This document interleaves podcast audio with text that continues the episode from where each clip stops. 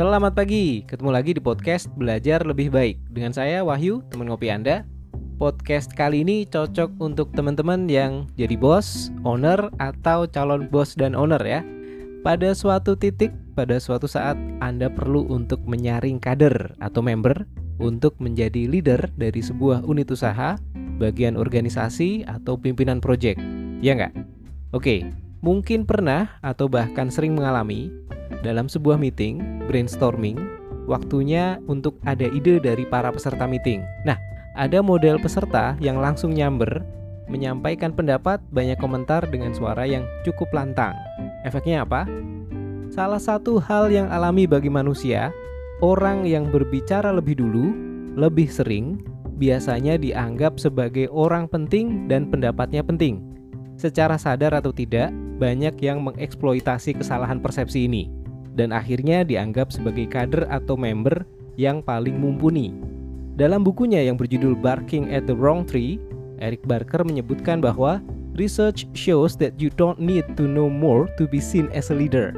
Merely by speaking first and speaking often, very extroverted behavior, people come to be seen as LHV. Jadi, penelitian menunjukkan bahwa Anda tidak perlu tahu lebih banyak untuk terlihat sebagai seorang pemimpin. Hanya dengan berbicara terlebih dahulu dan sering berbicara, yang merupakan perilaku yang sangat ekstrovert, Anda akan dilihat sebagai si bos. Oke, yang bersangkutan yang banyak komen tadi belum tentu cocok Anda tunjuk sebagai leader. Sabar, tunggu member yang lain mengeluarkan pendapatnya.